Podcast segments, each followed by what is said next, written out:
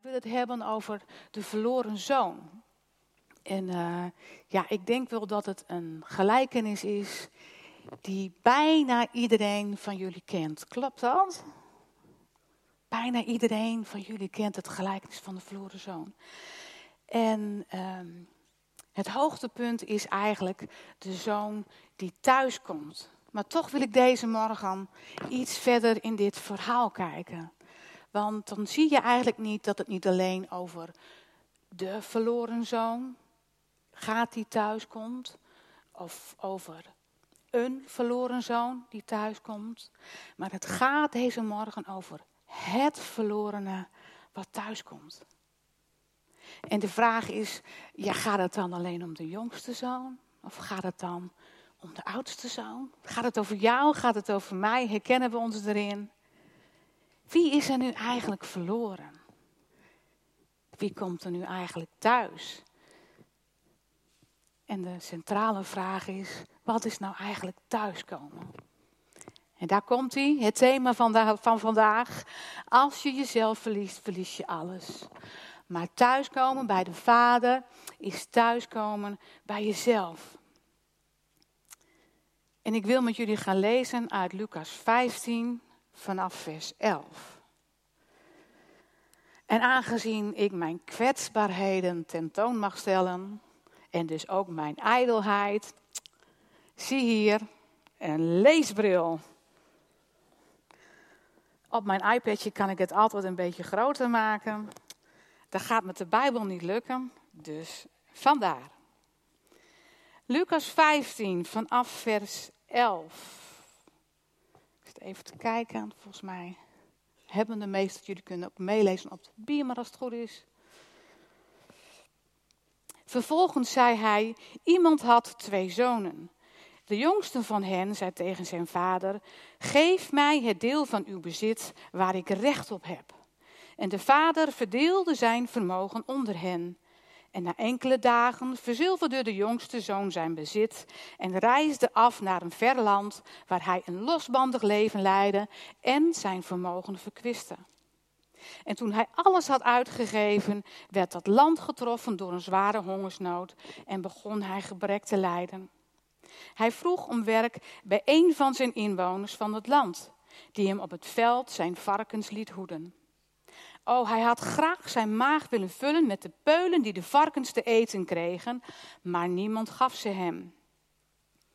Toen kwam hij tot zichzelf en dacht: De dagloders van mijn vader hebben eten in overvloed en ik kom hierom van de honger. Ik zal naar mijn vader gaan en tegen hem zeggen: Vader, ik heb gezondigd tegen de hemel en tegen u. Ik ben het niet meer waard uw zoon genoemd te worden. Behandel mij als een van uw dagloners. En hij vertrok meteen en ging op weg naar zijn vader. En zijn vader zag hem in de verte al aankomen. En hij kreeg medelijden en rende op zijn zoon af, viel hem om de hals en kuste hem. Vader, zei de zoon tegen hem. Ik heb gezondigd tegen de hemel en tegen u. Ik ben het niet meer waard uw zoon genoemd te worden. Maar de vader zei tegen zijn knechten: Haal vlug het mooiste gewaad en trek het hem aan. Doe hem een ring aan zijn vinger en geef hem sandalen. Breng het gemeste kalf en slacht het. Laten we eten en feest vieren. Want deze zoon van mij was dood en is weer tot leven gekomen. Hij was verloren en is teruggevonden en ze begonnen feest te vieren. De oudste zoon was op het veld. En toen hij naar huis ging en al dichtbij was, hoorde hij muziek en gedans. Hij riep een van zijn knechten bij zich en vroeg wat dat te betekenen had. En de knecht zei tegen hem: Ja, uw broer is thuisgekomen en uw vader heeft het gemeste kalf geslacht, omdat hij hem gezond en wel heeft teruggekregen. Hij werd woedend en wilde niet naar binnen gaan. Maar zijn vader kwam naar buiten en trachtte hem te bedaren. Hij zei tegen zijn vader: Al jarenlang werk ik voor u en nooit ben ik ongehoorzaam geweest. Als u mij iets opdroegt en u hebt mij zelfs nooit een geitenbokje gegeven om met mijn vrienden feest te vieren. Maar nu die zoon van u is thuisgekomen, die uw vermogen heeft verkwanseld aan de hoeren, hebt u voor hem het gemeste kalf geslacht? Zijn vader zei tegen hem: Mijn jongen, jij bent altijd bij mij. En alles wat van mij is, is van jou. Maar we konden toch niet anders dan feestvieren en blij zijn. Want je broer was dood en is weer tot leven gekomen. Hij was verloren en is teruggekomen. Nou, probeer je dat zo eens een beetje in te denken. Als ik dan thuis ben, dan krijg ik daar allemaal beelden bij. En dan moet je je voorstellen, er is een man, een vader, jaren hard gewerkt, heeft inmiddels een goed lopend bedrijf opgebouwd. Een mooi bedrijf waar ook zijn beide zoons werkzaam zijn. En de vader ziet het helemaal zitten. En als hij met pensioen gaat, kunnen zijn beide zoons het bedrijf mooi overnemen. En wanneer je dit zo van een afstandje zou bekijken, dan zou je denken: dat is een mooi familiebedrijf. Totdat de jongste zoon bij zijn vader komt. En vraagt om zijn erfenis. Nou ja, vraagt. Geef mij waar ik recht op heb. En je zou toch zeggen, hij heeft geen greintje integriteit in zijn lijf. Geef mij waar ik recht op heb.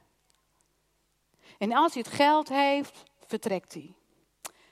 Ver weg naar een ver land, ver weg van huis, ver weg van zijn vader en ver weg van alle verantwoordelijkheden en verplichtingen.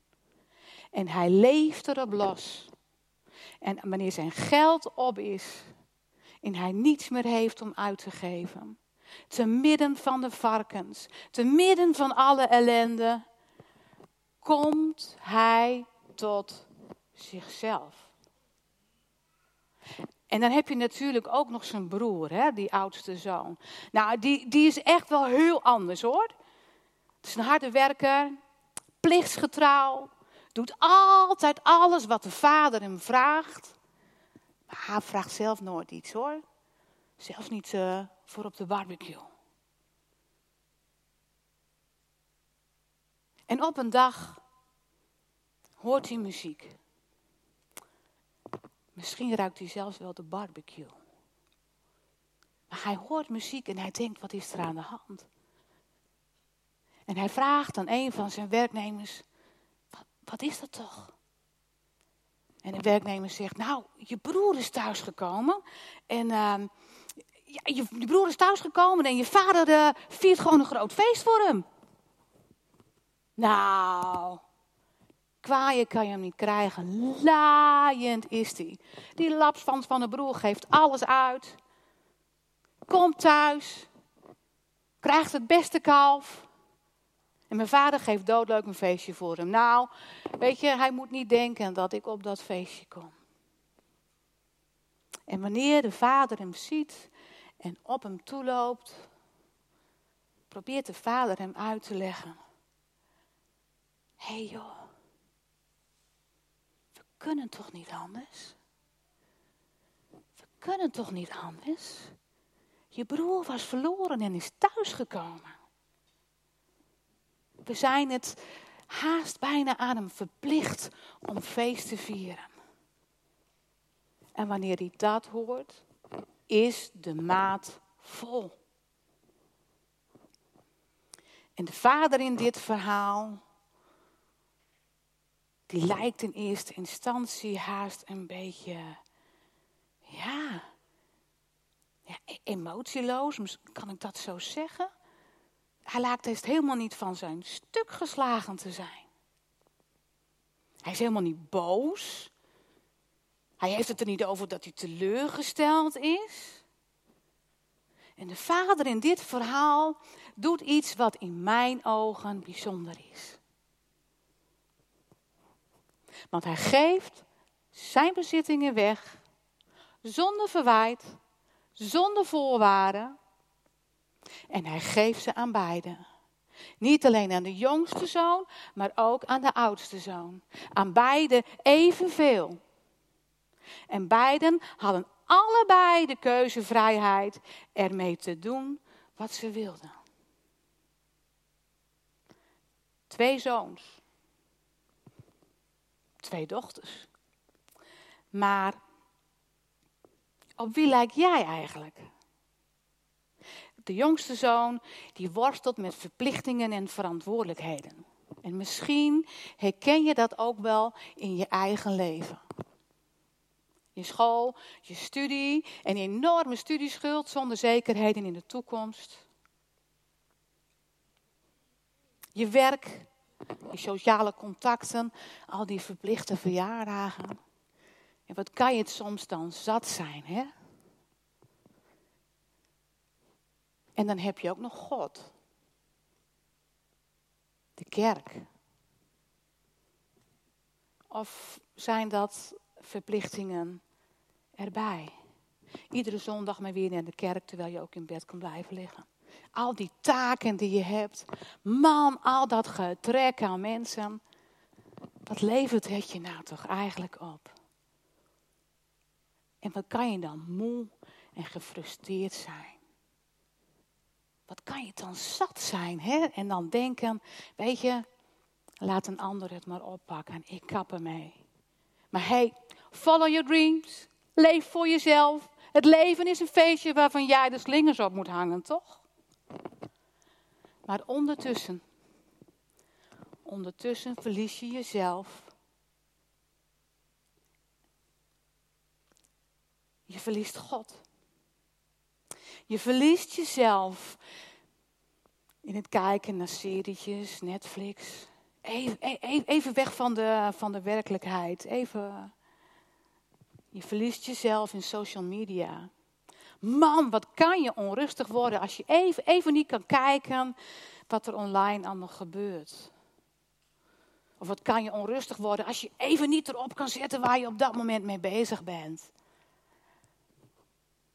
Je verliest jezelf in verslavingen, pornografie. En door alles heen ben je God uit het oog verloren. Je leeft naar de maatstaven en verwachtingen van de ander en de maatschappij. En je bent behalve God ook jezelf verloren. Maar wanneer je jezelf verliest, verlies je alles. Maar thuiskomen bij de Vader is thuiskomen bij jezelf. Maar misschien herken je je ook wel meer in de oudste zoon. Hij worstelt met erkenning en waardering. Hij doet zo goed zijn best. En herken je het? Je gedraagt je netjes. Je houdt je keurig aan de regels. Goede cijfers op school. Je bent nooit brutaal tegen je moeder of je vader. Je rookt niet, je drinkt niet. Je hebt geen seks voor het huwelijk. En iedere zondag zit jij in de kerk, hè? Je geeft keurig je tienden en misschien zelfs wel iets meer. Nee, als we jou beschrijven, dan ben jij het type met het luisterend oor. Die altijd klaar staat. Degene die zich keurig aan de wet en de tien geboden houdt. Er is niets op jou aan te merken. Maar ondertussen verlies je jezelf. Je verliest jezelf in plannen, budgetteren, bijhouden van lijstjes om de controle maar te houden. Je verliest jezelf in perfectionisme. Alles moet goed zijn tot in de puntjes verzorgd. Want niemand moet iets aan te merken hebben op jou. En vooral jezelf niet. Je verliest jezelf in stress. Je staat steeds voor de ander klaar. Thuis, op het werk, in de kerk. En eigenlijk doe je dingen op de automatische piloot. En je raakt jezelf kwijt en je weet eigenlijk niet meer wat je zelf wil. En door alles heen ben je God uit het oog verloren. Je leeft door jezelf opgelegde maatstaven en de wet. Je verwacht het van eigen verdiensten.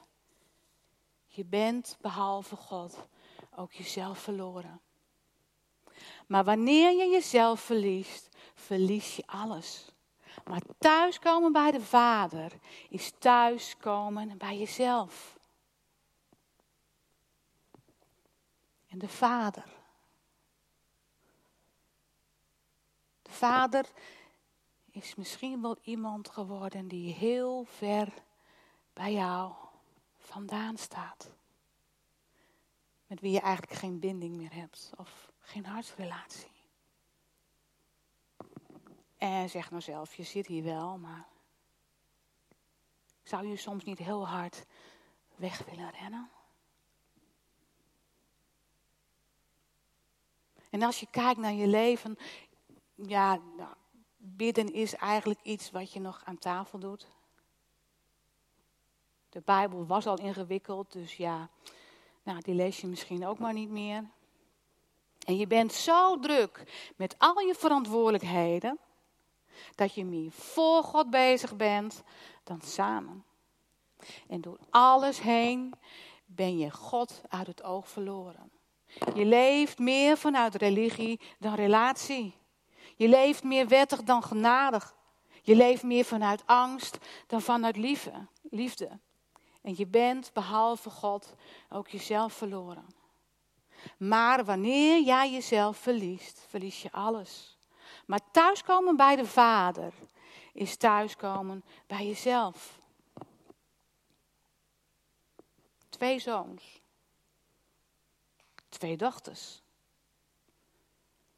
Maar waar ben jij? De jongste zoon kwam tot zichzelf. Te midden van alle ellende. Toen hij alles verloren had. Alles, alles, werkelijk alles. Alles wat de vader hem had gegeven. En zelfs zijn identiteit. Want hij koos ervoor om terug te gaan naar de vader en de identiteit aan te nemen van een slaaf en niet die van een zoon. En ik heb me echt voortdurend afgevraagd, hoe zou die zoon zich gevoeld hebben toen hij op weg ging naar huis? Wat zou hij gezegd hebben wanneer je toch alles er doorheen gejaagd hebt? Ik kan me voorstellen dat hij gevoelens had van schaamte. En dit deed me denken aan een vriendin die ik had op de middelbare school. Ze had hele strenge ouders. Ze moest altijd op de kinderen passen. Moest alle klusjes doen. En ik herkende het wel hoor, want als ik bij haar kwam, kreeg ik ook klusjes. En als ik het dan niet goed gedaan had, dan kreeg ik op mijn kop. Maar ze vertelde mij, Greet, ik zou zo graag hier weg willen. Ik verlang zo naar een stukje vrijheid. Ik verlang er zo naar om mezelf te zijn. En eigenlijk van de een op de andere dag kwam ze op school met dure kleding, dure sieraden. En ik dacht, wat is er gebeurd? Uiteindelijk kwam ze bij me en vertelde ze me dat ze nieuwe vrienden had gekregen.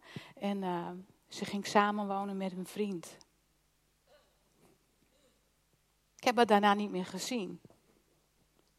Pas jaren later op een jeugdavond zag ik haar. En aan het eind van de avond fietsten we zo een stukje met elkaar op. En ze vertelde me hoe ze in de handen was gekomen van een loverboy. En hoe ze gedwongen werd om seks te hebben met anderen. En ze wilde wel terug naar God, maar ze wist niet hoe. Ik weet nog dat ik daar stond en ik zei: God houdt van je. Ik was zo murf geslagen door haar verhaal. Ik zag haar angst in haar ogen. Ze zei: Greet, je moest eens weten hoe ik heb geleefd. Ik heb geleefd als een hoer. En het enige wat ik kon zeggen was: God houdt onvoorwaardelijk van jou. God houdt onvoorwaardelijk van jou. Ze was zichzelf verloren. En wanneer je jezelf verliest, verlies je alles. Maar thuiskomen bij de Vader is thuiskomen bij God. En wanneer jij hier zit en je worstelt met de gevoelens van onzekerheid, gevoelens van schaamte, gevoelens van angst.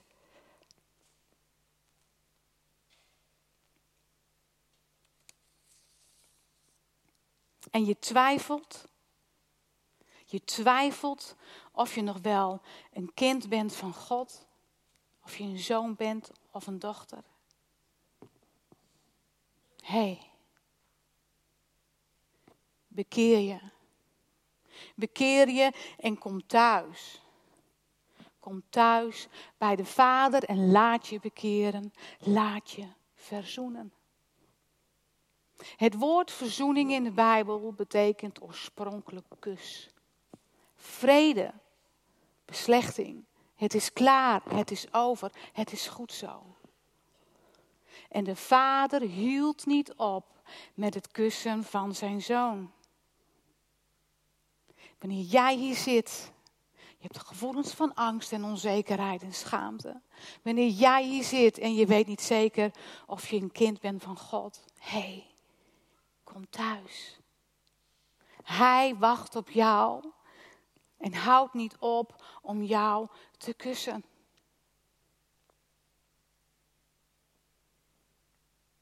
Wanneer jij nog nooit die keuze hebt gemaakt voor God, dan is de uitnodiging deze morgen voor jou. En misschien moet ik ook gewoon even kijken naar de mensen thuis. Wanneer je nog nooit echt een keuze hebt gemaakt voor God. Wanneer je nog twijfelt over het feit of jij wel zijn zoon of dochter bent. Dan is de keuze aan jou. Kom thuis en de Vader is er om jou te omarmen en jou te zoenen. Over een paar weken is hier een doopdienst. We vieren met Pasen een doopdienst. Heb jij nog nooit die keuze gemaakt? Met Pasen is er een doopdienst. En er is nog plaats. Dan hebben we natuurlijk ook nog de oudste zoon. De jongste kwam tot zichzelf, maar bij de oudste was de maat vol. Echt, de maat was helemaal vol hoor.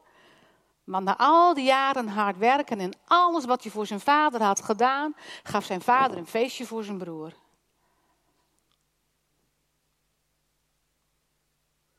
Nooit had hij wat aan hem gegeven. Heeft hij mij dan nooit gezien? En het is voor hem een druppel die de emmer doet overlopen. De maat is vol.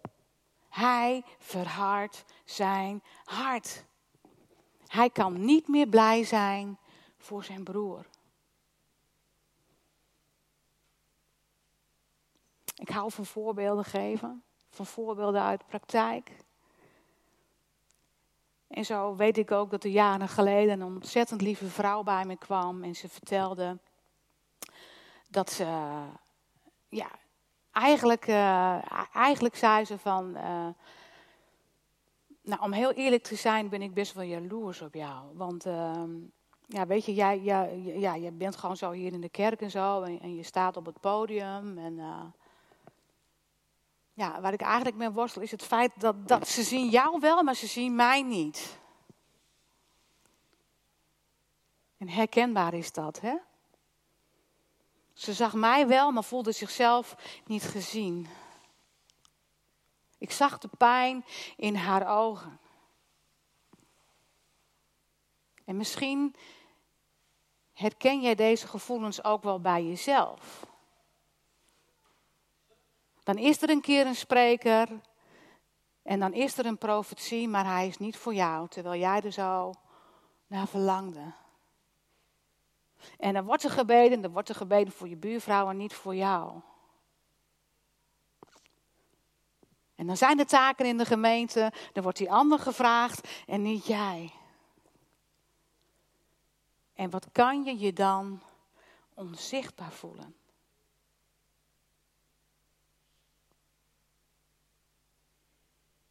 En wat kan je dan gevoelens hebben van diepe, diepe, diepe afwijzing?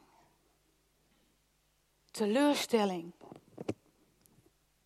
Het gevoel onzichtbaar te zijn voor God. Maar wanneer jouw vertrouwen is beschaamd en je hart misschien bitter is geworden, wanneer je eigenlijk niet meer blij kan zijn voor de ander. hey, verhard je hart niet, maar bekeer je en kom thuis. Kom thuis bij de Vader en laat je bekeren, laat je verzoenen. Want wanneer jij jezelf verliest, verlies je alles. Maar thuiskomen bij de Vader is thuiskomen bij jezelf.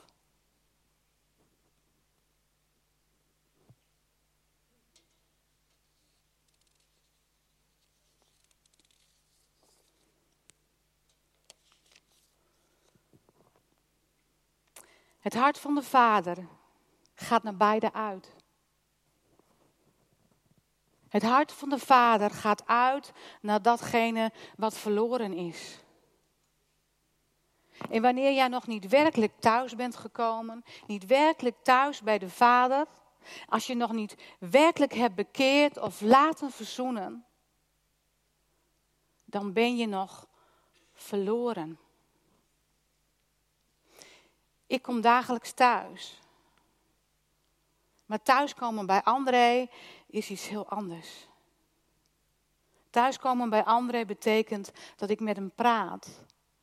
Dat ik mijn hart met hem deel. En wanneer ik dat niet doe, dan groeien we uit elkaar. En wanneer je niet dagelijks thuis komt, dagelijks thuis bij de Vader, ook al denk je niet verloren te zijn, dan raak je verloren. Maar de liefde van de Vader is niet afhankelijk van wat je wel of niet hebt gedaan, van wat je doet of wat je niet doet. Je mag deze morgen in zijn wachtende armen rennen om te ontdekken wie je werkelijk bent. Thuiskomen bij de Vader is een plaats waar jij Hem mag horen zeggen: Jij bent goed zoals je bent. En het is de plek van ware tevredenheid. Het is de plek van ware vrede en overtuiging het kind van God te zijn, dat we weten dat ons hart is thuisgekomen. Of je nu herkent in de jongste zoon, of in de oudste zoon. Als ik heel eerlijk ben, ik dacht altijd dat het verhaal ging over de verloren zoon. Maar als je heel eerlijk bent, als je nou eens gewoon heel eerlijk bent, herken je dan niet iets van de jongste en oudste zoon in je eigen leven? En is thuiskomen bij de Vader dan niet iets wat we dagelijks nodig hebben om in verbondenheid met Hem te leven.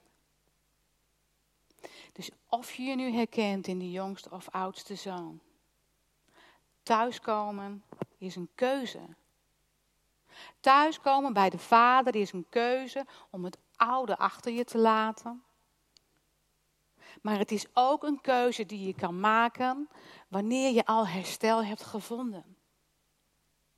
Thuiskomen bij de Vader is een keuze om vanuit Zijn liefde in totale overgave nog meer te leven vanuit Zijn afhankelijkheid. Wanneer je jezelf verliest, verlies je alles. Maar thuiskomen bij de Vader is thuiskomen bij jezelf. Waar ben jij? Welkom thuis.